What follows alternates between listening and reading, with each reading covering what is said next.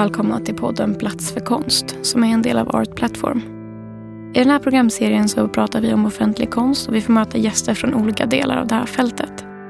Konstnärer och arkitekter, teoretiker och kritiker medverkar och delar med sig av sina erfarenheter och insikter. Och jag som kommer vara med på den här resan heter Molly Sjögren. Det här är det första avsnittet och här kommer vi prata mer allmänt om offentlig konst och det offentliga rummet. Men vi kommer även prata om frågor om hållbarhet, estetik, medborgarsamtal och samarbete över professionsgränserna. Välkomna!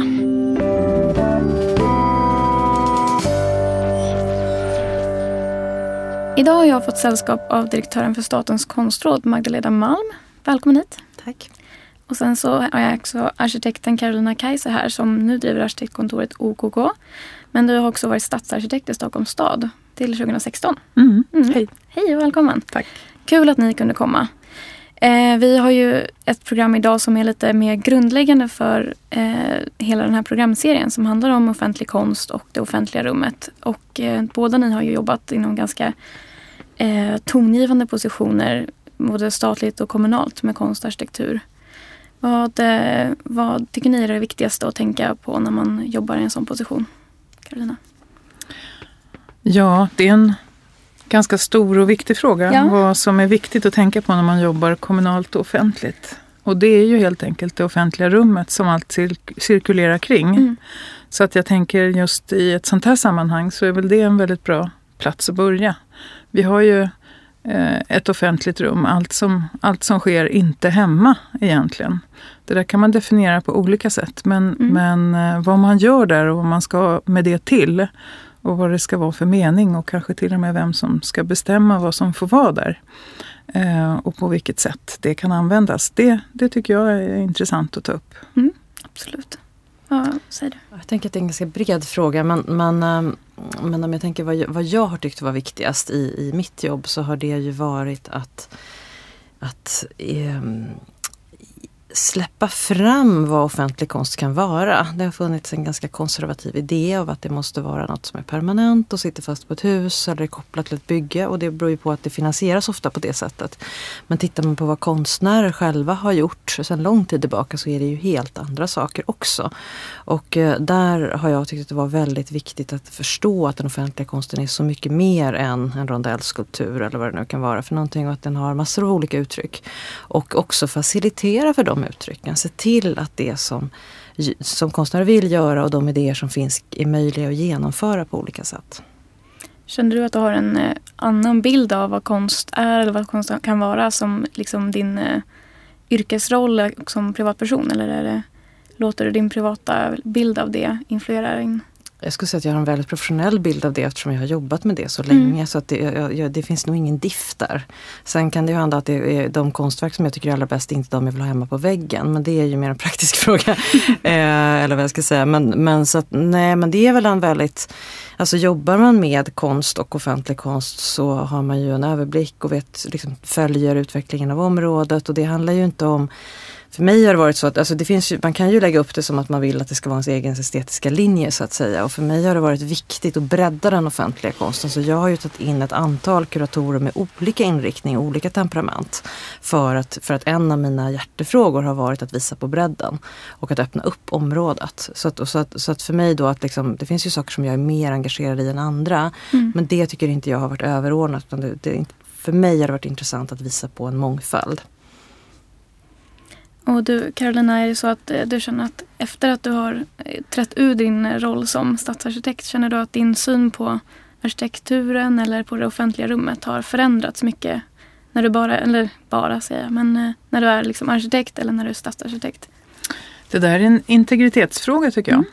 Eh, och jag skulle säga att eh, min syn på vad arkitektur är har utvecklats. Men den har inte förändrats. Egentligen så, så börjar man ju någonstans och utbilda sig till arkitekt. Om man nu blir det sen, liksom, när man är liten. Och sen utvecklas ens syn på arkitektur ju mer man lär sig. Och eh, skillnaden mellan min professionella, min offentliga och min privata och min yrkesprivata syn på arkitektur. Eh, alltså det är samma, skulle jag vilja säga. Jag har väl en fördjupad kunskap nu. Eh, att jobba i olika roller är ett jättebra sätt att få mer kunskap. Jag skulle säga att det är en kvalitetsfråga. När du var stadsarkitekt så eh, drev du igenom Stockholms första arkitekturstrategi.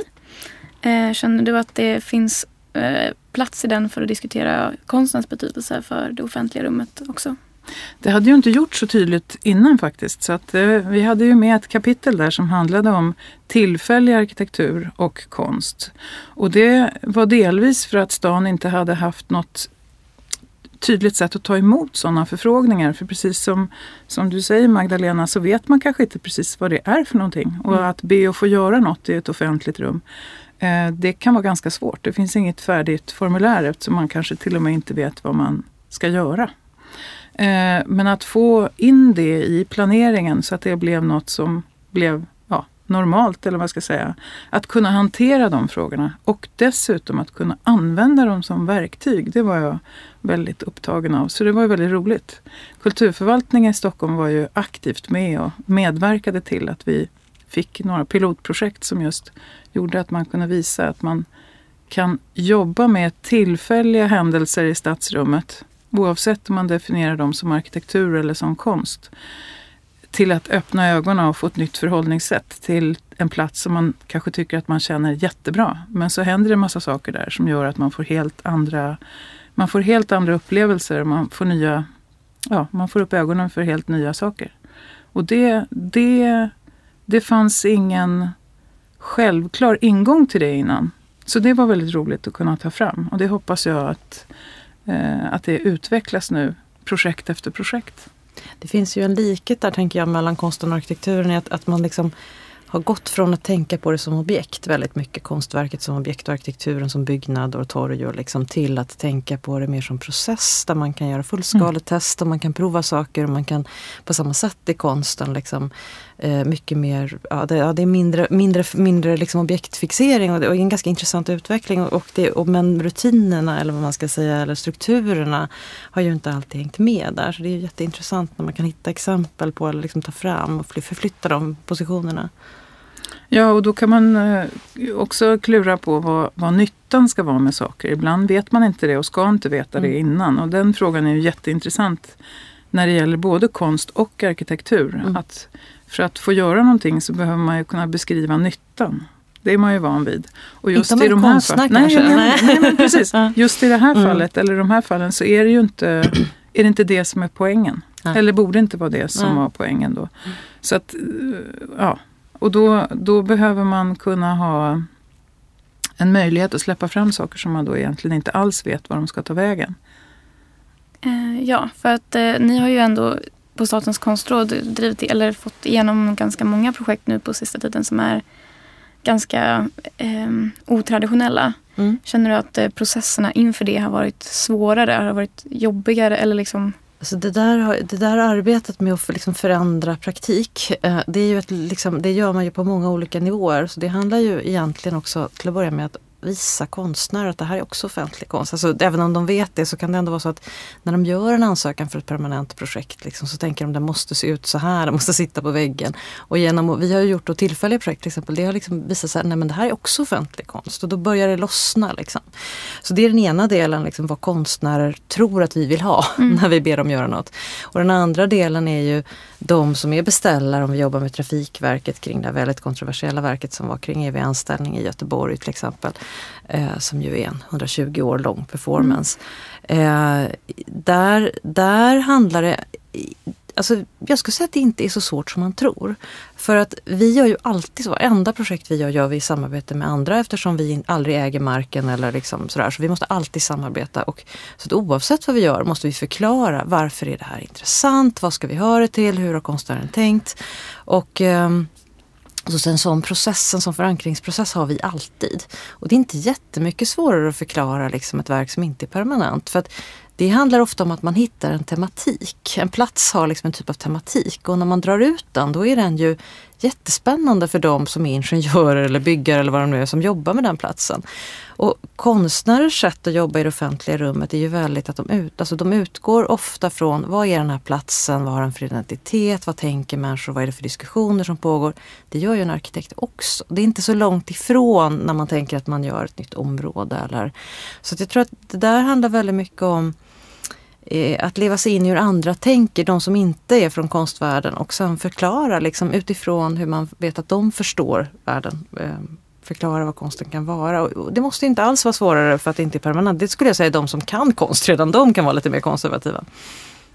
Men det som är solklart i stadsplaneringen idag det är att konsten har en, har en given plats. Ja, och det är ju ganska nytt. Och det är ganska nytt. Mm. Jag tänker att vi, jag hade väl tur med det därför att Stockholm då har ju verkligen tillämpat den här enprocentsregeln mm. med eh, Mårten Kastenfors och eh, det driv som har funnits kring de här frågorna, det har ju verkligen synts i olika stadsutvecklingsprojekt. Och där är det ingen fråga om, utan det har ju varit en fråga bara hur. Mm. Eh, hur man ska använda den resursen mm. och hur den ska eh, integreras i själva arbetet. Och det har det ju gjort på väldigt många ställen och på väldigt många sätt. Så att, eh, inte för att jag vill säga att det har blivit en självklarhet, men det är absolut ett verktyg som, man, som är, har blivit nödvändigt. Eh, så det, och det är ju någonting som inte bara är Alltså jag tänker ändå att konst kan man se som grädde på moset och det sista som kommer in och någonting som också ska vara lite kul och kanske eh, förlåta någonting som är besvärligt eller så. Mm. Eh, men, men det har blivit något mycket, mycket mer. Mm. Och det, det har blivit kanske, kanske också tarvligt att säga, det vet jag inte, men en sorts inbjudan till att förstå en plats på ett annat sätt än vad det skulle vara om den inte fanns där. Mm. Sen kan det vara kritiskt eller det kan vara okritiskt eller det kan vara sammanbindande. Det kan vara allt möjligt. Men det ger i alla fall en aspekt till. Eh, eller flera aspekter till. Mm. Eller en diskussion. Mm. Men det kan, också vara, det kan också vara något som man får med sig Eh, och känner igen platsen kring. Så att, så att eh, hur man gör det på olika sätt känns som det har gått väldigt, det har varit, det har varit väldigt positivt för stadsutvecklingen. Och nu när man kan tänka sig att ja, vi har högkonjunkturer, vi har lågkonjunkturer, vi måste snåla på någonting så kan jag vara orolig för att det är det man snålar på först. Kanske, men å andra sidan finns enprocentsregeln som princip. Eh, så att jag tänker att, att, att om man fortsätter att hävda den principen så är det liksom, däremot kan det vara så att om man bygger mindre blir det mindre. Men men, ehm, men ja, vi får väl se vad som händer med just den frågan. Men det är verkligen så att, att den har, och jag menar Stockholm konst, Göteborg konst, det finns ganska många som har drivit och sen så finns det platser där man inte ens liksom jobbar med offentlig konst. Så att över landet är ju liksom kunskapsnivån väldigt olika. Och det är, det är det som är en del i vårt uppdrag också, att liksom lyfta fram när man har gjort, alltså om, om man har gjort väldigt spännande, bra verksamhet på vissa platser så kan det inspirera andra. Och, Eh, så att man höjer det liksom totalt. Så Ja, här är det inte bara storstäderna som har varit Nej. duktiga utan Nej, det är alla möjliga. Olika. Verkligen som har mm. jobbat med det på mm. olika sätt. Så det, det håller jag med om. Men att det har sin plats i stadsutvecklingen, mm. det tycker jag är det, det är givet. Men hur det ska användas och vem som får bestämma, det är inte lika säkert. Och ett av de tydligaste exemplen på det är ju de här konstnärliga utsmyckningarna i biltunnlar och sådana här ställen som kanske inte alls har varit självklart att det ska finnas konst i relation till att det verkligen har blivit väldigt påkostat men också ganska tydliga installationer som gör att folk kanske bara blir vana vid att se konst på andra ställen än bara på ett torg eller på, en, liksom, på sjukhus eller på sådana här platser som kanske har mer eh, traditionella liksom, eh, historiska kopplingar till offentlig konst. Att det kan få liksom att konsten kan få frodas på platser där, kanske, där det är lite mer oväntat eller lite mer Det är ett väldigt bra exempel tycker jag. Ja men det är ju ett jättebra exempel på när konsten förutom att göra det den gör så att säga, förklarar en plats eller utropar en plats till en plats. En tunnel mm. och en vägrening. Det, det är ju en icke-plats eh, mm. på ett sätt. Men om det finns någonting där som får en att stanna upp och bli medveten om den eh, så, så, så, så, så har det ju tillfört något mer än bara verket så att säga. Jag tänker också att, att det som konsten kan göra i, i stadsrummet är ju att um, jag tänker att man planerar en plats efter en funktion, alltså man ska ta sig till och från jobbet. Det finns en massa funktioner i det offentliga rummet. Och sen finns ju gestaltningen som ju arkitekturen också har. Liksom. Men konsten kan ju ibland liksom påminna om det existentiella eller något väldigt poetiskt. Alltså så här, att mitt i den där rationella promenaden till jobbet eller till tunnelbanan liksom, så, så plötsligt så, så, så bryts någonting av, eller man, man plötsligt från att ha varit i ett offentligt rum så upplever man att man kommer in i något väldigt privat till exempel.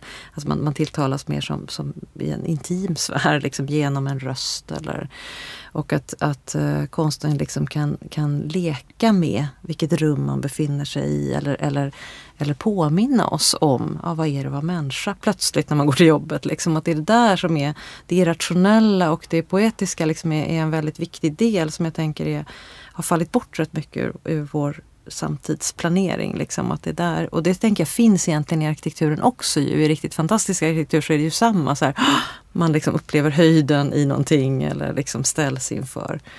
Så. Det är en fråga om kvalitet. Ja, tänker jag. Absolut. Och det är, ju, det är ju en del av arkitektyrket och det är därför det ofta beskrivs som en brygga mellan konst och mm. ingenjörsvetenskap. Mm. Men i alla yrken tänker jag att det finns en krydda utav kvalitet som gör att det närmar sig konsten. Och då kanske konsten i den klassiska bemärkelsen just någonting eftersträvansvärt och det där där det blir meningsfullt på ett nytt sätt mm. för att det är så himla Precis. bra. Ett ja. eh, oerhört vackert mattetal eller mm. ja, någon, eh, ja, när, det, när, det, när det händer något. Vi pratar om verkshöjd. Mm. Det är inte bara jättebra utan det är någonting mycket mer. Och det behöver man leta efter. Har man det som sporre då blir det ju ganska kul. För då spelar det inte så stor roll vad man håller på med. Nej. Ett otroligt bra trycke på en dörr. Mm. Det kan ju vara det, det vet ju alla vilken skillnad det är på ett dåligt sånt och ett jättebra. Det spelar roll, det spelar ju roll i vardagen. Mm. Men det kan också gränsa till en konstnärlighet.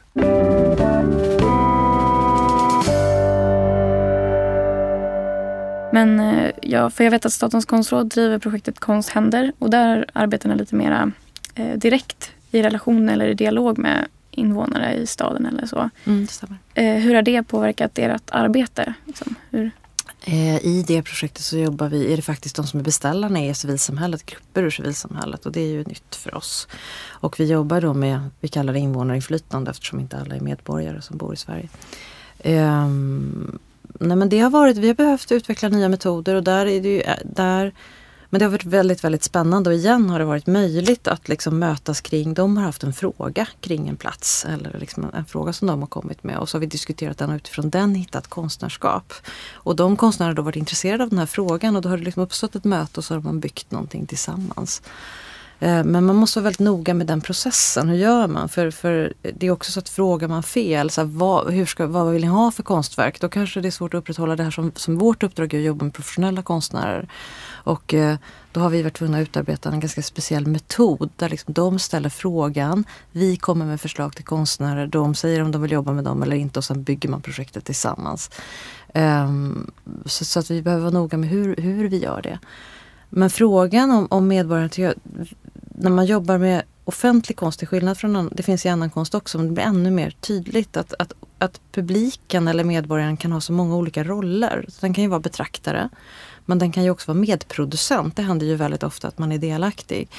Eh, den kan vara deltagare på olika sätt, kanske inte producera konstverket men delta aktivt. Men den kan ju också vara, och det tycker jag kanske är den mest intressanta positionen, nämligen huvudperson. Som om man är i en film och är huvudpersonen. I ljudverk till exempel där någon talar direkt till dig och du hör i hörlurar och går på gatan och är liksom helt enkelt huvudpersonen i filmen. Så att den viktigaste personen i publiken plötsligt är inte, är inte så att man tittar på och är passiv. Så, att, så att det har utvecklats, skulle jag säga, väldigt många olika relationer och det är därför det är så intressant att jobba med konsten i relation till medborgarna. För att det finns metoder och sätt att aktivera de man jobbar med på ganska många olika nivåer. Om man tänker sig en vanlig liksom, medborgardialog så är det väldigt ofta vad tycker ni svara på tre frågor. Men, men om man jobbar konstnärligt då kan man tänka sig hur, hur får man människor att uttrycka vad de egentligen längtar efter? Och kanske är det så att det är behoven man ska fråga efter och sen kan någon som är arkitekt eller konstnär liksom formulera gestaltningen. Så man behöver vara lite nyanserad i liksom vilka frågor man ställer men också hur man gör dem. Ibland kan det, har vi gjort projekt där det är en performance som man är med om som publik. Och där, men där den utmynnar i en fråga om hur ska den här platsen utvecklas. Men det är inte liksom ett frågeformulär eller en öppen hearing. Så, att, så att hur man gestaltar och formar de här situationerna där medborgarna deltar blir då ganska mycket mer intressant och man får helt andra resultat än när man ställer frågor rakt upp och ner. Mm. Men eh, vad har du för erfarenhet av medborgarsamverkan då, Carolina? Ja, men här, det är ju här den här stora förändringen i stadsplanering har skett. Och den har, det är ju märkligt att ha varit med om det, men den har ju verkligen skett under min yrkes, eh, yrkesmässiga tid så att säga. Och eh, man pratar om, om olika beslut eller önskningar kommer uppifrån eller nerifrån och det där vill man gärna översätta till engelska och så ska det där låta lite snabbt och så ska man lösa det då med en medborgardialog eller en invånardialog.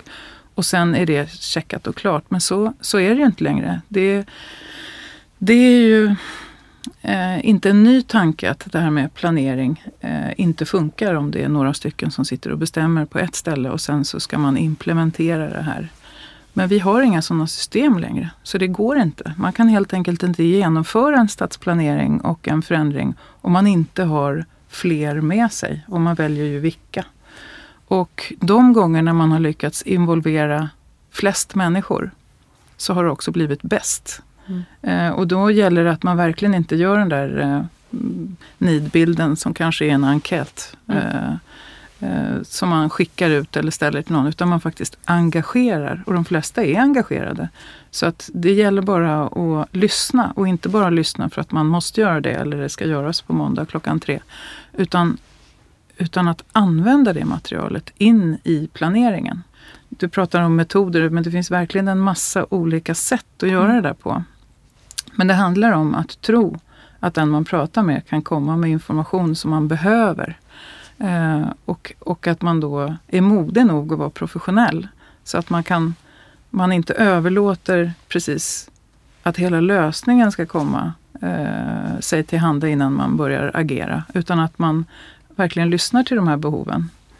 Och lyssnar till föreslagna lösningar. Och om de funkar så ska man bara gör, utföra dem. Man ska bara göra dem. Och, och den där, man kan prata om paradigmskifte men det, det kan jag tycka att jag är lite trött på för det låter ju som att det hänt en jättestor händelse och sen har allt förändrat sig. Men det är mer att det går fort tror jag. Det är en massa, massa små händelser som gör att vi ser på det offentliga rummet eller på planering eller på vårt yrke som arkitekter. Säkert också yrket konstnärer. Mm. På ett helt annat sätt nu än vad man gjorde på 1900-talet. Då. Uh, och det, det, och det, det är intressant att titta på vad det är. Men bara den här förskjutningen av vad som är offentligt och vad som är privat. Alltså hur ser det ut hemma hos oss? Uh, förut så när jag var liten så var det ju oerhört privat hemma, hemma hos mina vänner och deras föräldrar. Alltså, nu kanske det mest eh, offentliga rummet hemma är sängkammaren, vad vet jag.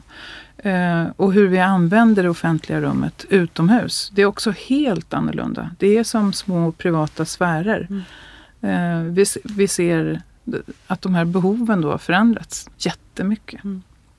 Så då menar jag att det offentliga rummet, det är liksom en ny plats hela tiden. Det blir de här händelserna som gör att vi förändrar det. Det kan vara mobiltelefonen eller datorn eller hur vi vill träffas. Eller om det är trångt hemma. Eller, mm. ja.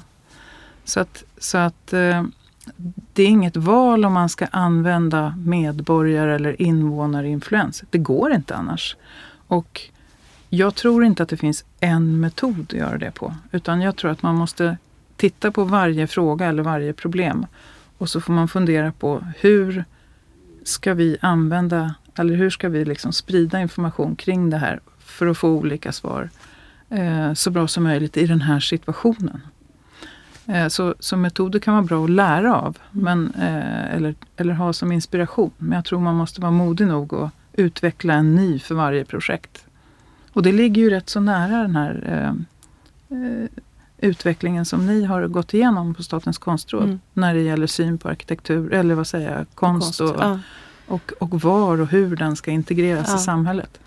Um, nej men det, är, det är ju intressant att konstnärer plötsligt, liksom, eller plötsligt, men under de senaste, alltså under kanske 20 år tillbaka i alla fall, har engagerat sig väldigt mycket i, i, i den här typen av stadsutvecklingsprojekt. Och och liksom kliver in och, och väldigt um, ofta, liksom, eh, nästan alltid skulle jag säga, liksom, de har en speciell blick för, för medborgarna. De är liksom alltid De har ju oftast inte en beställare riktigt på samma sätt som en arkitekt har. Eller, utan de, de, och deras yrkes, liksom, deras identitet tror jag att de alltid nästan alltid liksom identifierar sig med den som är svagast eller den som bor på en plats. Eller, så de är väldigt bra på att lyssna in. Eh, och har på olika sätt liksom klivit in i de här processerna och ser liksom ett, ett utvecklingsfält där. Och där är eh, förmågan, jag menar inte egentligen färdiga metoder utan just det där att, att jag skulle säga att den viktigaste metoden är att vara specifik. Mm. Vad är det här för en plats? Vad är frågan? Vilka är aktörerna? Vilka är medborgarna? Hur gör vi då bäst för att få fram det här? Mm. Och så har man, liksom, har man ju en massa redskap för det men man, men man är väldigt specifik. Det, det uppfattar jag kanske är en av de viktigaste frågorna. Ja, men jag, jag tänker på den här förändringen som har skett också som, som vi har pratat om hur länge som helst. Det är det multidisciplinära. Mm. Alla som är bra på olika saker ska jobba ihop. Mm. Och det är ju självklart nu. Så jobbar man ju, eller hur? Och sen så gör man kanske inte det jämt i alla fall. Mm. Och, så, och så borde man ändå göra det mycket, mycket mer. För, för jag tänker på stadsutveckling och det, att, att det inte var en slump då i den här eh, arkitekturpolicyn som vi jobbade med så länge innan den, innan den blev tryckt så att säga för att få den att bli så, så klok och översiktlig men också så specifik som möjligt. Mm. Det var ett svårt uppdrag. Men att få med så många yrkeskategorier som möjligt. Att arkitektur, som jag ser det, inte är ett ämne för arkitekter i första hand utan för alla i första hand. Där arkitekten kan vara experten i bästa fall. Men där arkitekter och konstnärer säkert är väldigt olika. Det finns de som tycker att objektet är det viktigaste mm. eller kanske till och med jaget är det mm. viktigaste. Mm. Men det är liksom ett strukturell förändring som måste liksom genomsyra egentligen allting som man gör. För att ja, inte bara för att, för att folk blir arga annars utan för att det faktiskt är helt utan effekt om man inte gör det. Det blir betydelselöst på något sätt. Eller som du säger, det går inte att bygga då. Nej, det går inte. Nej. Det, det, det är precis, jag, det har liksom ingen val. Det är mm. lite grann vill man acceptera ett multikulturellt samhälle. Vi har inget val. Vi är ju mm. mitt inne i ett sånt. Så det är bara att leva med det och, och göra så bra man kan. Jag tänker att om man ska vara positiv och det är ju kul att vara så, så, jag menar, hur ska man göra saker och ting bättre? Mm. Då, då gäller det att man, att man faktiskt eh, tänker efter före då. Mm. Tittar på helheten och, och orkar göra det och inte, inte ta... Inte, ja, tar tid med att försöka förstå att det inte är objektet som man ska tillföra som är det viktiga utan det är ju behovet man uppfyller. Exakt. Och då, om man tänker så då, då är man ju med på den här förändringen som vi har varit med om. Och det är ju egentligen att det är inte att, att det här objektet ska bli färdigt som är poängen. Utan det är, eh, skiftet är ju att det handlar om människorna mm. och de enskilda människorna. Och eh, vi har ju en historia av en fantastisk stadsplanering både i Sverige och i Stockholm. Men alltså när jag började 2010 så fanns det i planeringen ingenstans diskussioner om medborgaren eller människan. Mm. Man pratar om olika hustyper, olika kvarterstyper och olika stadsutvecklingstyper. Men man pratar inte om invånarna eller de behoven. Och när fokuset har skiftat till vad människan behöver och det är jättesvårt för det är svårt för den ena att förklara vad den andra behöver och det kan ju vara väldigt känkigt. Eh, men men då, då får man en annan startpunkt. Mm. Och då kan det låta som att man ska utgå från den enskilda individen. Och då istället ska man utgå från alla individer och då blir det ju liksom mellanmjölk av alltihop. Men att orka tänka och definiera ett problem eh, utifrån helhetsbehovet. Det är jätteviktigt. Mm. Men det gör ju att vi måste tänka om, vi då som är skolade i den här andra världen. Och jag tror att eh, det är också jätteviktigt att man jobbar ihop över generationer där. Inte bara för att man ska göra det eller det är politiskt korrekt att liksom ta med folk från olika håll utan för att det är nödvändigt. Den kunskap som jag har med mig, den vill ju jag sprida till de runt omkring mig. För jag tror att de kan göra mer av den än vad jag kan med sitt nya perspektiv. Alltså man har, det är ju, eh, det är ju när vi får ihop det liksom. Eh, och vågar, vågar vara en pus, pusselbit i en, ett större, ja, i en större helhet om ni förstår vad jag menar. Som, som, som det kan bli något och som det kan bli bra. Så det här fokuset på behov och att uppfylla de behoven eller att skydda eller vad man nu behöver göra. Det är det som är nyckeln och inte så himla mycket att det är jag som har gjort just det där. Nu pratar vi ju väldigt mycket om eh, samverkan mellan olika yrkeskategorier och sådär. Hur får man till det i praktiken? Jag tror inte alls att det är det vanligaste.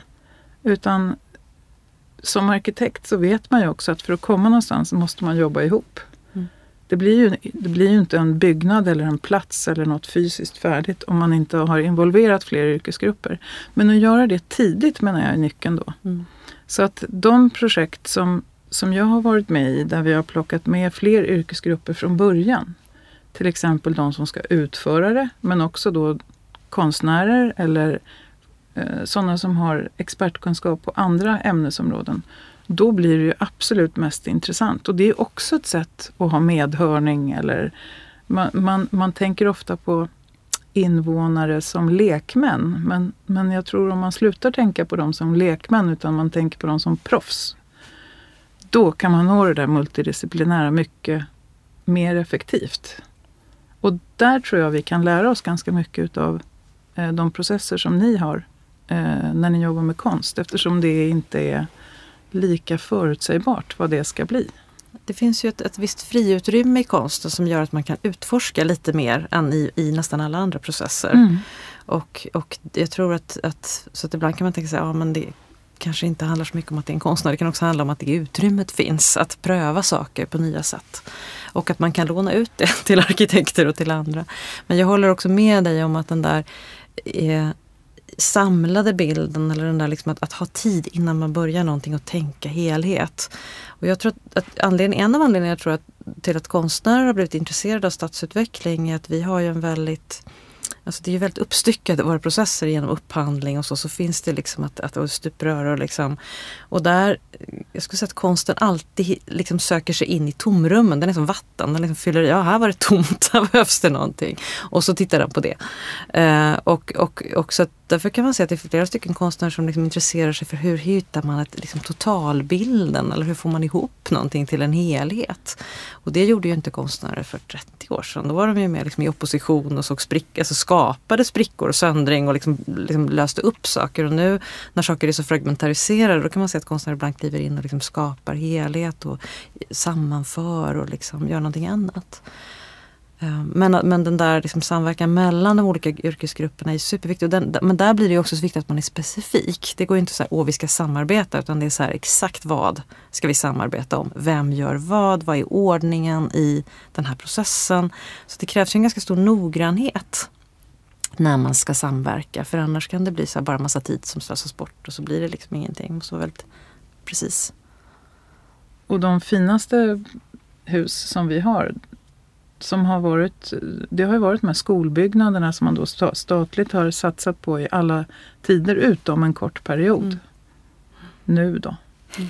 Eh, så, så, så har ju det varit en självklarhet. Mm. Och där har ju faktiskt konstnärlig utsmyckning varit en del av ja, helt integrerad egentligen mm. i byggnaden och det kan man ju se i de flesta kommuner. Mm. Uh, och sen är det gjort med olika budget men det är inte gjort med olika kvalitet.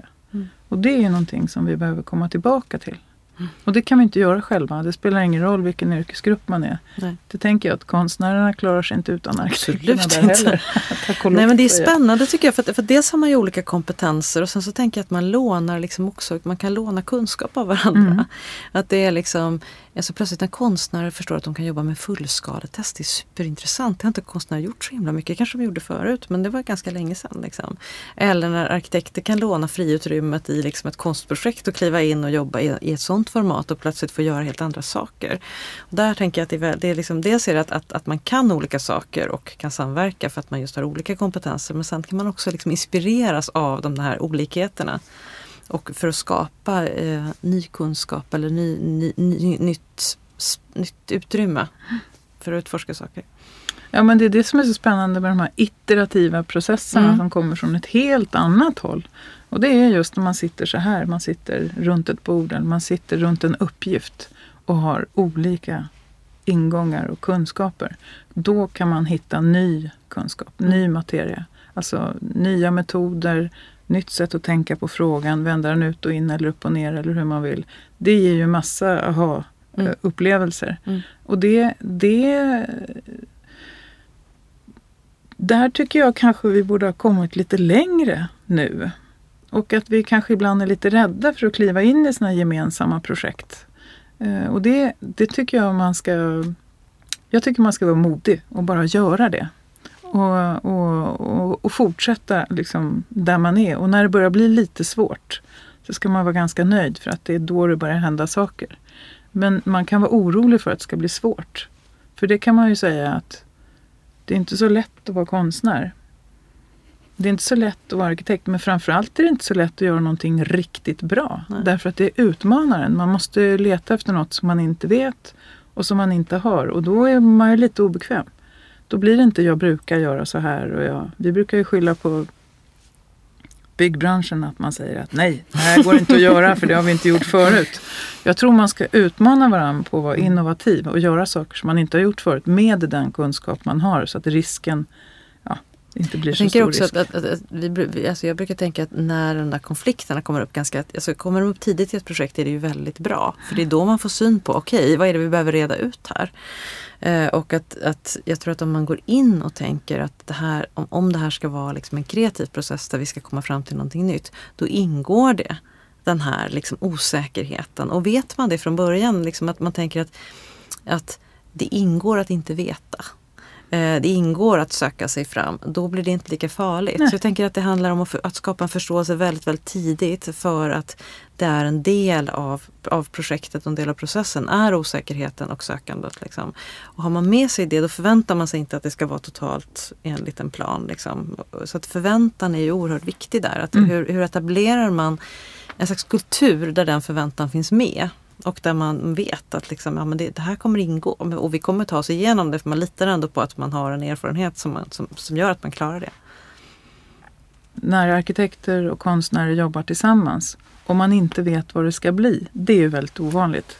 Det är ju väldigt svårt att få, få möjligheter att göra. Ja. Så att, att man kan, att om man skulle kunna samverka och då låna de här olika eh, Eh, planerna så att säga från varann. Jag tänker eh, att eh, använda den konstnärliga processen mer i arkitekturen och tvärtom. Den arkitektoniska processen mer i konsten. Då tror jag inte att man nödvändigtvis kommer likna varandra mer och mer. Men däremot tror jag man kommer komma på helt nya saker som man inte visste förut. Så, så det här med att låna erfarenhet av varandra och använda den i ett nytt sammanhang, det, det tror jag är vägen fram. Mm. Åtminstone liksom en, att det underlättar och ger lite trygghet. Som jag nämnde förut så tror jag att man behöver vara väldigt specifik. Liksom. Man måste vara supertydlig med vad det är man samverkar om och vad målen är för det man gör. Man måste också förstå att, liksom, att man har olika drivkrafter. Så att konsten har ju en drivkraft, en byggherre har ju en annan. Och då måste man titta så här, okej men här på den här lilla ytan överlappar det. Så att man förstår, man måste förstå så här att, att byggherren har, liksom, det finns mål med att producera en ny fastighet. Eller arkitekten har vissa mål eller kommunen har vissa mål som handlar om medborgarna eller vad det nu är. Och jag tror att man måste, man måste reda ut vilka agendor man har och vilka, vilka intressen man har. Och sen kan man säga okej, men vi kan enas här. Det här är vår gemensamma yta. Så man måste vara jättenoggrann i, när man liksom bäddar för samarbetet. Um, enormt noggrann. Och sen tror jag att man måste titta väldigt mycket på processer. Hur organiserar man en samverkan? Vad gör man när? Vad är nästa steg? Det kan ju också bli oändligt mycket jobb om man inte man måste vara väldigt effektiv. Vi har till exempel när vi jobbar med Trafikverket till exempel i stora projekt, då har vi tittat på hur är deras process? Och så stoppar vi in konsten där. För att då då tar den minimalt utrymme liksom av allas timmar till exempel. Eh, men den får maximal, alltså vad får vi maximal effekt för ma- minimal insats? Så jag skulle säga att, att, att, att samverkan kräver, kräver att man är väldigt organiserad och väldigt strukturerad och, och ganska analytisk och förstår väldigt väl när och var man ska kliva in. Och att man är aktiv. Ja, För det där med att man sitter och väntar på att någon annan ska leverera en situation där man kan jobba. Eller det, det är jättevanligt. Mm. Det är ett ansvarstagande. Ja, och det, mm. det är ju så att om man vill vara med så måste man ta sig dit själv. Ja. För att jag tror, jag tror inte att det finns ett sammanhang när man blir tillfrågad om det där som man är bäst på att bidra med. Eh, alltså det, den, det systemet finns inte som gör att det här kommer fungera självmant. Utan om man vill bidra med det man kan och om man vill jobba på det här sättet så måste man hitta sammanhang där man kan göra det och ta sig in där. Och, och ditt exempel Magdalena när du pratar om att man ger sig in i en tidplan som redan finns. Den är ju väldigt lik det här att man använder den infrastruktur som redan Exakt. finns. Man kan inte ändra på allt så man måste liksom börja nu och så måste man börja där man är med det man har.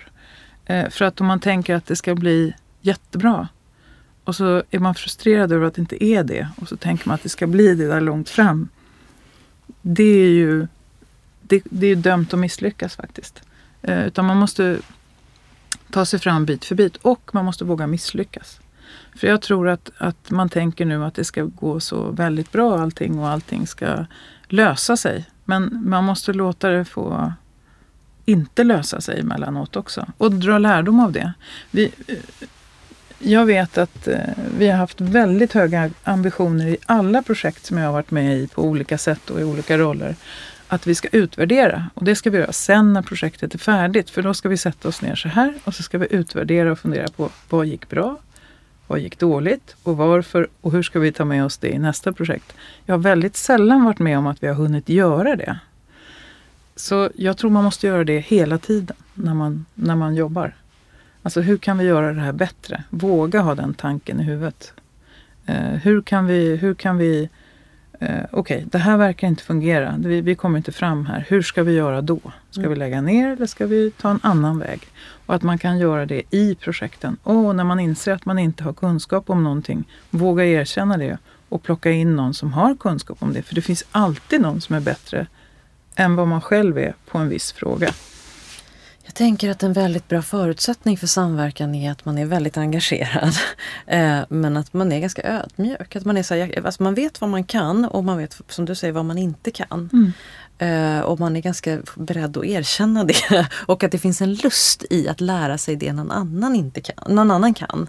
Att det liksom istället för att säga åh nej nu blottar jag att jag inte kan det eller jag måste ha totalkontroll så är det ju lite grann att släppa kontrollen och lita på att det finns en process som är större som tar oss framåt till, till någonting som vi ska göra.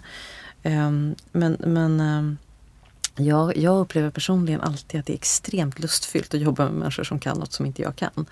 Uh, för att, för att det, man, får, man, man blir mindre prestigefull och man, man lär sig under tiden och man upptäcker saker som man inte visste att man skulle kunna upptäcka. Så där tror jag att, att det finns, man ska inte underskatta lusten i att komma från olika håll. Uh, för, för den är väldigt stark. Det är samma sak där. Jag tror inte det finns någon metod men om man sitter ensam och tänker att om jag bara inte berättar för folk vad jag håller på med och att allt jag har kommit på, det är mitt. Då kommer man få mycket tråkigare på jobbet mm. och man kommer, man kommer också åstadkomma mycket mindre. Eh, men, eh, så man kan prata om att man konkurrerar med varandra i olika sammanhang och det, det kanske är bra på något sätt. Men, men det är mycket, mycket lättare om man tänker att man delar på erfarenhet. För att det är oerhört sällan som jag har varit med om ens någon gång som jag vet att man har förlorat på det. Nej, men mardrömmen är ju ett sånt där möte där man ska samordna ett hus. Och sen så varje kunskapskapacitet, BVS eller K eller konsten eller mm. ja, arkitekturen. Ja. Alla har sitt eget eh, fem minuters pass eller om det är kvartspass. Och mellan de här om det är du som pratar till exempel, då sitter jag och fipplar på min telefon och väntar på min eh, då jag zoomar ut ur det där samtalsämnet och sen när det är min tur så zoomar jag in och så berättar jag allt som jag har på min agenda. Och så fyller jag i eh, vad jag tycker är intressant den här gången och så går man vidare och så kommer man inte egentligen ihåg vad någon har sagt och så blir det faktiskt inget samarbete. Även om man läser protokollen som det är väldigt sällan som någon gör. Men om man istället hittar en relevans kring allas frågor. Mm. Att alla får prata om ventilationen mm. till exempel. Eller alla får prata om konsten. Eller alla får prata om eh, hur entrépartiet ska funka ihop med ja, vad det nu kan vara vid det här mötet där ändå alla kompetenser sitter med faktiskt rent fysiskt. Eh, och att hitta närvaro, det kanske ska vara färre som är med varje gång. Man kanske ska ta ett ämne lite djupare. Men man kanske ska tillåta då eh, alla att lägga sig i på ett sätt då. Men också ta ansvar för det man lägger sig i. Det vill mm. säga eh, inte bara tycka lite utan verkligen engagera sig. Det, det är det som krävs och det kostar ju på och då måste det ju vara intressant. Det har ju att göra med att veta var man ska någonstans. Mm. Eller åtminstone vad som krävs av den här situationen. När ska det vara färdigt och när, vad, vad, vad har vi för gemensam uppgift och vart, vart, vart, vill vi någonstans? Men jag tror att det handlar om, faktiskt att det handlar om synen på kunskap. Alltså hur bygger vi kunskap? Att det, är så här, det är inte så att det finns en information som vi kan stoppa in i ett visst moment och så tar vi nästa information och så tar vi nästa. Liksom. Det återspeglas ju i vårt samhälle, i New Public Management och i alla liksom, precis Att vi tror, vi har en väldigt förenklad idé om kunskap. Att den är så här, en del och sen en modul till och sen annan till. Och så funkar ju inte kunskap utan kunskap är ju något man utvecklar tillsammans. Eh, och jag tror att den, den, det kunskapandet, gemensamma liksom byggandet av kunskap, det, det eh, har vi tappat bort lite grann. Och, eh, och det är helt enkelt, man måste förstå att det är något annat än det vi föreställer oss. Det är inte, är inte separerat på det där sättet. Utan det är någonting som man bygger tillsammans. Och, och där tänker jag att, att den konstnärliga processen är väldigt intressant. För konstnärer jobbar ju väldigt organiskt, liksom fram kunskap. Och där blir det ju ibland krock mellan just arkitekter eller byggare och konstnärer. För konstnären inte vill bestämma vad det ska bli. För jag kan inte bestämma innan jag har gått igenom den här processen. För det är processen som kommer att avgöra vad det ska bli för någonting. Ehm, men det finns en sån intressant eh, och ibland för organiskt för att det, för att det liksom funkar inte om man har ett jättebygge att jobba på det sättet. Man måste liksom hitta ramarna. Men jag tror att det är också där i där som det är intressant att sammanföra liksom byggande, arkitektur och konst för att de har två olika processer och olika sätt att se på vad blir resultatet och hur, hur förutbestämt det måste vara. Och, eh, men, men, det, men det indirekt så påminner det oss om vad kunskapsproduktion är för någonting. Men en utmaning på det då, det skulle ju ta med byggarna i den här tidiga processen. Mm. Där ingenting är låst utan där syftet är mm. eh, det man, man, kommer överens om vad är det vi vill åt. Mm. Hur ska vi komma åt det? Då är ju all den där kompetensen otroligt mm. viktig.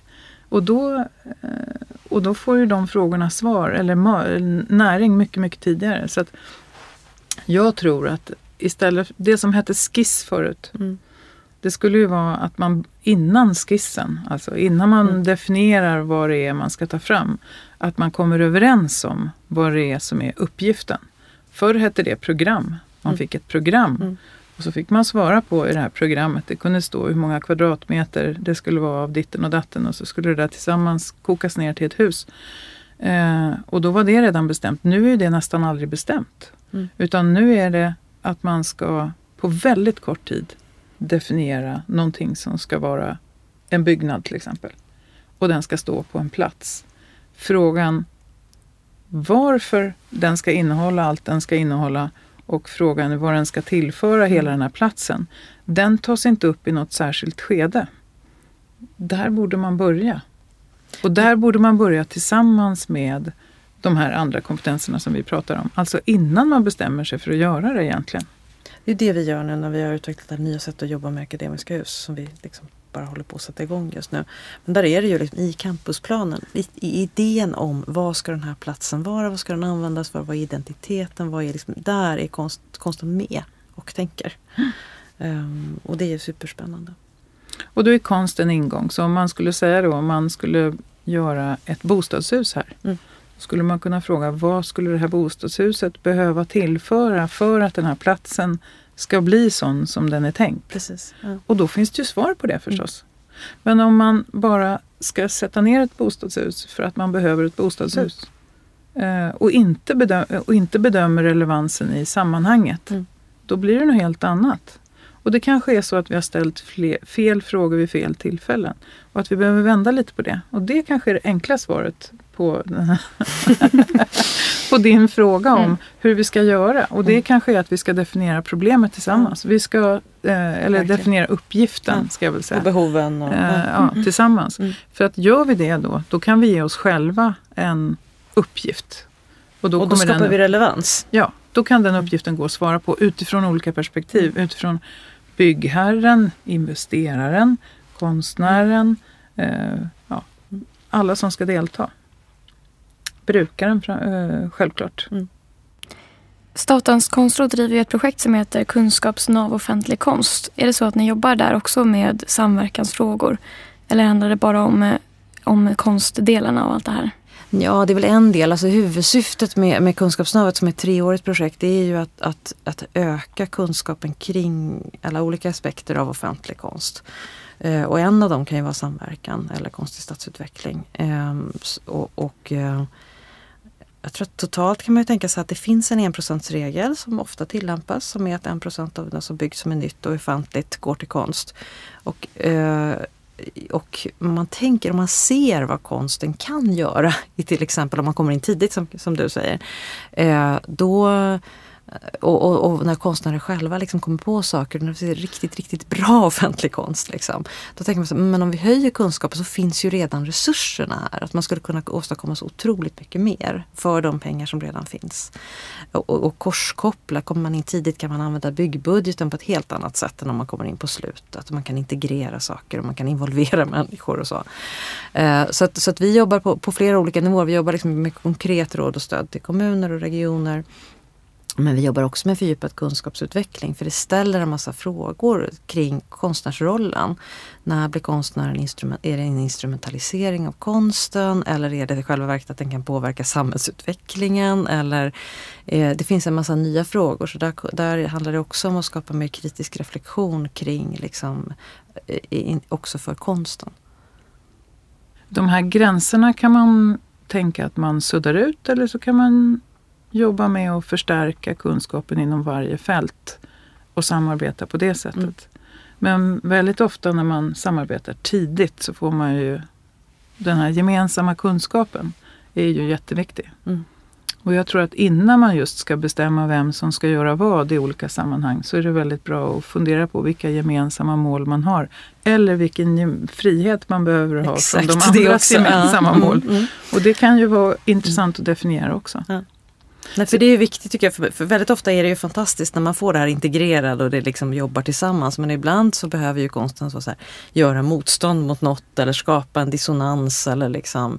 Så det är också viktigt att det är liksom inte bara det här klassiska att det blir liksom harmoniskt utan ibland är det liksom superviktigt med en dissonans eller så att vi har den där liksom poetiska som, som öppnar någonting och sen så kan man ibland ha något som kanske öppnar en diskussion eller som gör motstånd. Eller, och det beror ju då på vilk, vilken situation man befinner sig i.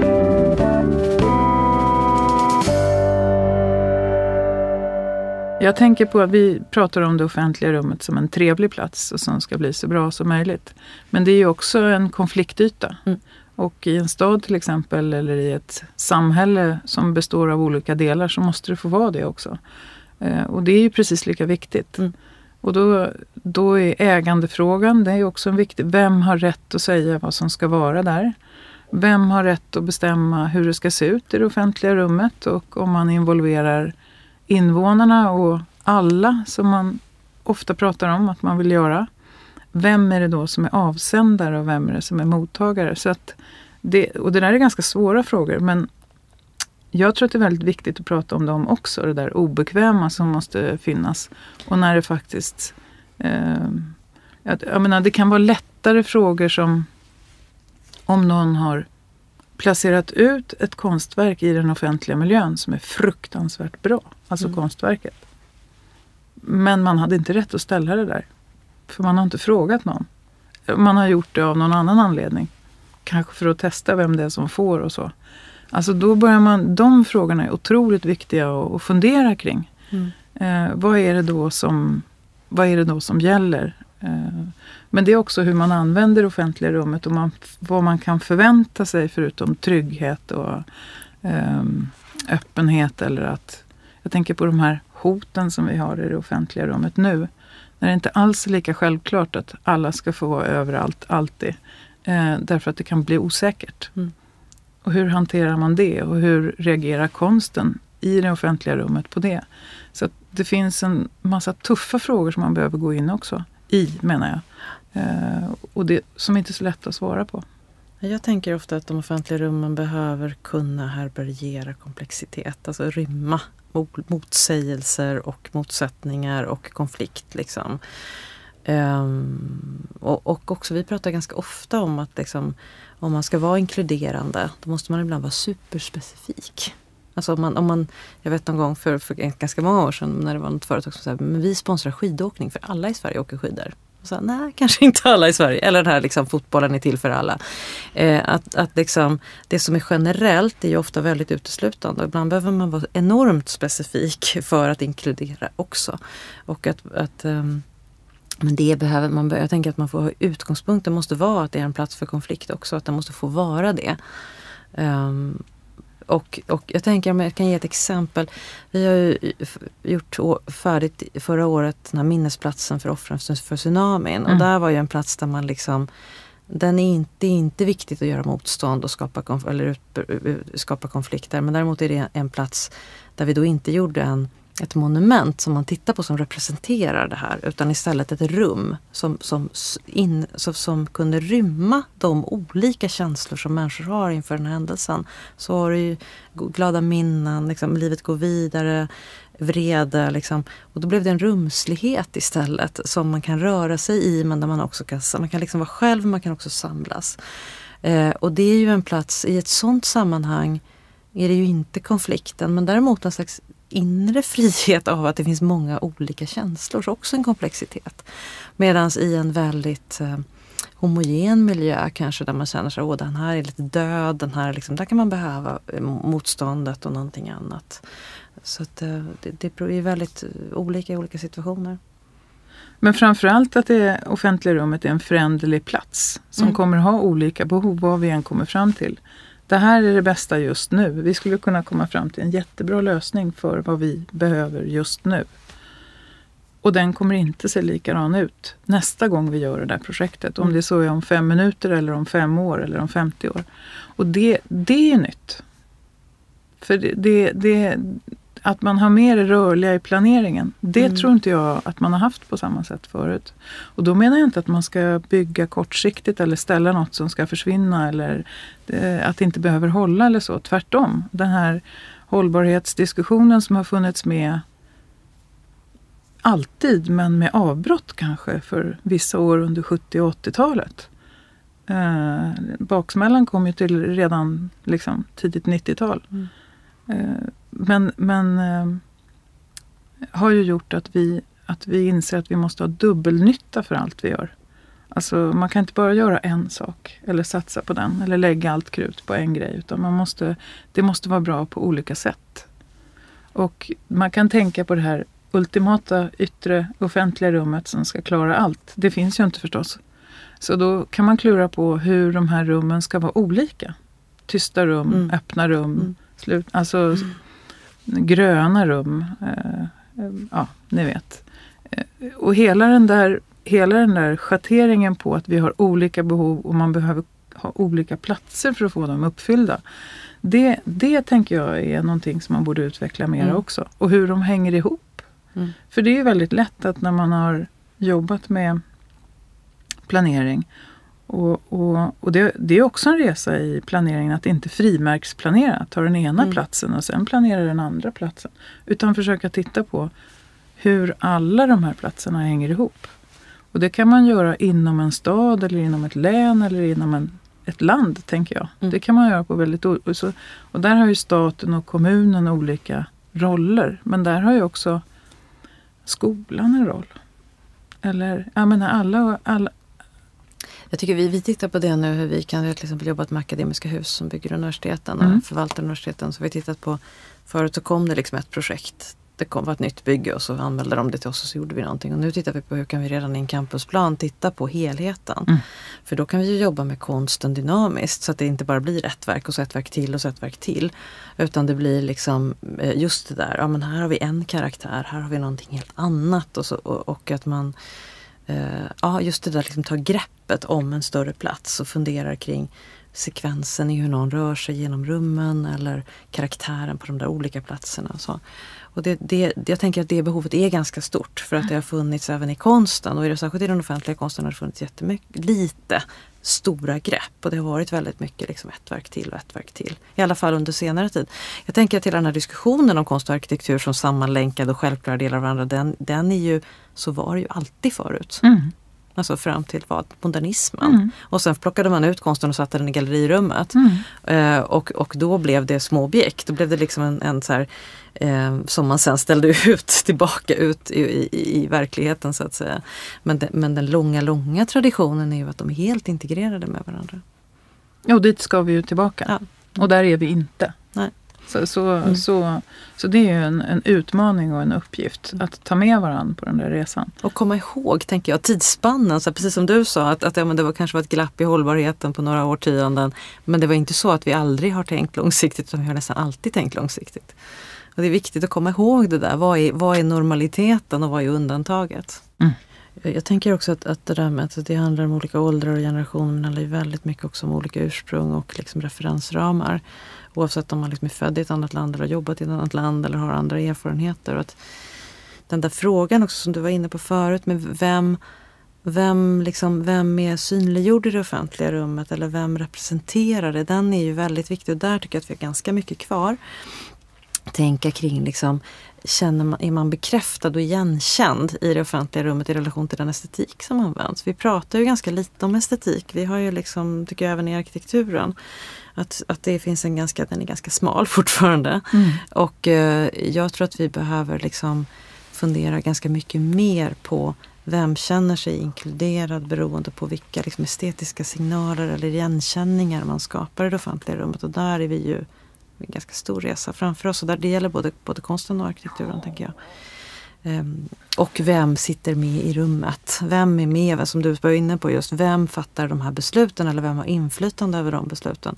Och där behöver vi utveckla Ja, där finns en hel del till att utveckla för att fundera kring de maktfrågorna och de representationsfrågorna. Vi har ju ett, ett team nu där vi har liksom folk från rätt, flera olika länder som jobbar tillsammans och, och när vi har någon från liksom som har så koppling Spanien, Sydamerika och någon som har är uppvuxen i Östeuropa, före detta Östeuropa och, eller liksom Det här med förutfattade meningar och fördomar. Bara att inse att man har det och ifrågasätta det. Eller tillåta någon annan att ifrågasätta det. Mm. Det är ju också en nyckel då. Jag tycker att det finns just i arkitekturen en liksom, lite brist på liksom, mångfald i uttryck och estetik. Nej, Jag är väldigt glad för den där diskussionen för jag tänker att då får man prata om det igen. Eller för det är hur? Ja. otroligt viktigt Ja. att prata om skönhet som en tillgänglighetsfaktor. Man kan ställa ja, en, och, och liksom, alltså, vem, vem, vem har rätt? Det som jag pratade om förut med estetiken. Liksom, Mm. det är ju, estetik är inte bara en ytlig fråga, det är ju en liksom djup fråga om identitet. Alltså vad kan jag identifiera mig med? Vad känner jag i mitt rum? Eh, och på det sättet är den ju en jätteviktig fråga. Och det är så konstigt att det har blivit enda vi inte kan prata om. Ja. Så att på det sättet så välkomnar jag den där diskussionen. Mm, jag tror att den Sen också är kan jag- användbar. Sen kan jag bli väldigt frustrerad när jag hör eh, förslag till lösningar på den som jag Absolut. inte håller med om. Nej. Men det är väl bra, då kan jag formulera mig kring det. Mm. Men det är ju också svårt att prata om i, konst, i, i förväntan på konsten i det offentliga rummet. Ska den vara vacker eller ska den vara Ja, ska den vara vacker eller ska den vara relevant, säger jag. Det, det, var inte, det blev lite plumpt. Liksom. Men, men för, för skönhet och tillgänglighet, skönhet, alltså, men jag, jag tycker att det är jätteviktigt att prata om. Mm. Och att vi går djupare in i den frågan. För det är, det är en sån här kunskaps eh, och utvecklingsfråga. Mm. Inte som jag har som jag vill förklara för någon annan utan som jag tänker att eftersom allt förändrar sig hela tiden så behöver vi prata om den igen. För det kommer betyda Exakt. något annat nu Ja. än vad det betydde i förrgår. Så Men det är det jag som är skillnaden tänker jag. Att jag tänker att, att, att den är en fråga om makt och representation och ägandeskap och så som, som är liksom superintressanta som, som finns nu som inte var aktuellt när man pratade om det tidigare. Alltså det är nya frågor som, precis som du säger. Som ligger i, i frågan om estetik. Ja, och det har med tillgänglighet mm. och tillhörighet mm. och identitet mm. som du tar Exakt. upp att göra. Ja. För att mm. det, och då blir den relevant. Så det, mm. det är jätteviktigt att jag inte får bestämma vad som är fint och fult på, på det sättet. Mm. Men å andra sidan, om de, den frågan måste tas på samma allvar som kvaliteten och eh, verkshöjden om man så vill. Då. Det är en väldigt viktig fråga som är supersvår att prata om och jag tror att vi har undvikit den nu i väldigt många år. Jag tänker att det bästa med att den frågan kommer upp igen och att det diskuteras är ju att kanske verktygen för att diskutera den blir bättre. Alltså att alla som deltar i den här diskussionen kommer förhoppningsvis då kunna utveckla kanske andra ord än fult och fint för att prata om saker som de upplever som eh, liksom tilltalande eller inte tilltalande. Och vad, vad i det här är det som jag tycker är värt någonting och vad är det som jag ryggar tillbaka för? Vad är det som man vill ta till sig och vad är det inte som, eh, som talar till en? Och det är ju jätteviktigt att för att en diskussion om när bara folk sitter och tycker att saker är fint och fult för sig själva, det är ju inte en diskussion. Utan att den liksom, debatten måste ju tas vidare och det enda sättet man kan göra det är ju att prata om det. Och helst liksom med folk som inte tycker likadant som en själv eller folk som inte håller med en. För att annars så kommer vi fortsätta så kommer ju saker fortsätta se likadant ut eller, eller att folk kommer inte kunna specificera vad det är de vill ska liksom leva vidare eller vad de vill få ut av någonting som eh, byggs. För jag tänker att även om man tycker att äldre arkitektur eller liksom äldre konst är finare, om man inte liksom om man tycker att det är finare förr och eh, fulare idag så betyder inte det att man inte att det inte kan finnas något ännu bättre. Eller någonting som man kan tycka ännu mer om. Om man kommer på vad det är för värden som man faktiskt tycker är. Som du pratade om innan. Att så här, man kan specificera sig. Vad, vad är det jag tycker om? Och då kan man ta det vidare ännu längre. Då kommer, man ju, då kommer det ju kunna utvecklas ännu mer. Jag håller verkligen med. För att det, det farligaste är ju när man bestämmer sig för att skönhet är, är skönhet och, och behagfullhet eller vad man vill kalla det för är något subjektivt så att det kan vi ändå inte prata om för vi kommer aldrig bli överens. Det tror jag är, det, det har vi gjort nu några år. Det tycker jag man kan släppa. Mm. Eh, men att gå in i det med öppna ögon och prata mm. om det och inse det är ett jättesvårt ämne. Mm. Och hur ska vi hantera det ämnet? Men vi måste hantera det överallt. För att om vi undgår det ämnet då kan vi inte ens prata om vi har en vacker fasad eller en byggnad eller en plats. Om vi har en upplevelse av en plats som är behaglig eller obehaglig och vad beror det på? Det kan vara det kan handla om mätbara saker som skala eller något igenkännbart, ja, igenkännbart eller att det, det blåser för mycket på en plats eller så. Det kan vara olika viktigt. Jag tänker också att det måste vara plural. Liksom. Ja. Alltså det, det, är vackert i plural i så fall. Mm. Eller, alltså så för, för, att, för att det problemet tror jag är att, att, att man, man, vi, vi associerar idén om fult eller, eller vackert till att det skulle finnas ett sätt som saker mm. är vackra på och det är verkligen inte så. Utan det finns ju så många, det finns ju liksom skönhet i dissonans eller det finns liksom så att, och de olika skönheterna tänker jag, då kan man börja prata om det. Det har med vana att göra. Jag tänker att väldigt ofta så tycker man att det som är gammalt är fint. Om man inte är trött på det precis. Mm. Men, men eh, de flesta nya byggnader som har kommit har ju kommit under allmän stor protest. Mm. Och det mest älskade idag kan ha varit det mest hatade då. Så är det ju alltid med konsten. Ja? Avskydda, mm. hatade konstverk blir de mest älskade. Mm. Och så är det med musiken också. Mm. Mm. Alltså det, det som var det mest svårtillgängliga när jag växte upp, det lyssnar man ju på hur mycket som helst, hur lätt som Det är hur lättillgängligt som helst nu. Så att det finns ju berg som man behöver klättra så att säga. Och, och det betyder ju inte att det inte kan vara allmänt. Eh, utan det, jag, jag, det tror jag verkligen inte. För det är sånt som kan starta som en kulturellt väldigt smalt kapitel. Det kan vara text eller det kan vara bild eller konst eller ja, arkitektur eller musik, vad som helst. Som är otroligt smalt. Det kan bli extremt allmänt mm. i en annan tid.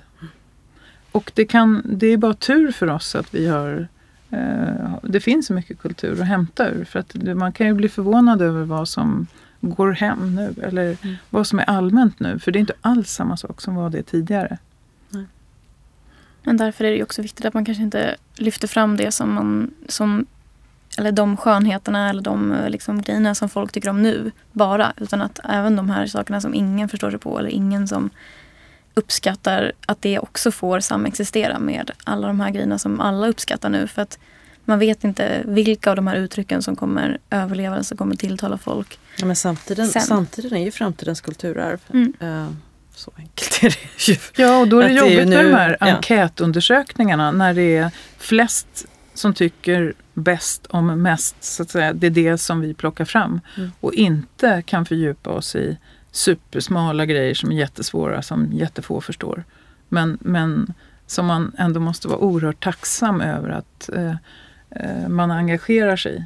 Jag tänker också att det är viktigt att komma ihåg om man säger så men vem, liksom, ja men är det de som har mest kunskap som då kan avgöra bäst? Jag tänker att, att, att eh, ja, men säg vi som jobbar med konst, samtidskonst och som ändå är vana att förstå kvaliteter i det och läsa det. Eh, det finns ju saker som vi är blinda för andra kulturella uttryck och referenser som vi inte känner igen. Vi förstår inte kopplingar. Liksom. Så det finns ju alltid, vi är ju alltid alla, finns, vi har alla våra blinda fläckar där vi inte läser och förstår. Och jag tror att, att, att en av utgångspunkterna för att liksom ens våga bedöma saker är att inse att man även själv har dem.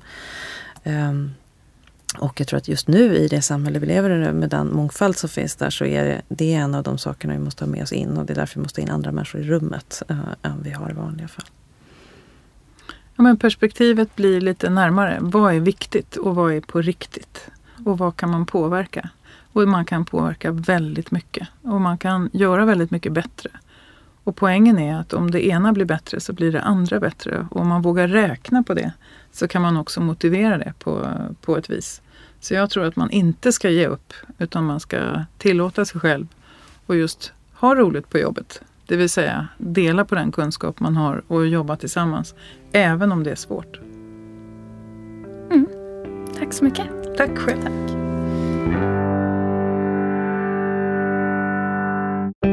Under kommande avsnitt av podden kommer vi prata om mer specifika aspekter av den offentliga konsten. Som normkritisk stadsbyggnad, konst för nya stadsmiljöer, estetik och ornament, urban normativitet och mycket mer. Du har hört det första avsnittet av podden Plats för konst som är en del av Art Platform. Vi har suttit på Beppo ljudproduktion i Stockholm och jag heter Molly Sjögren. Vi hörs!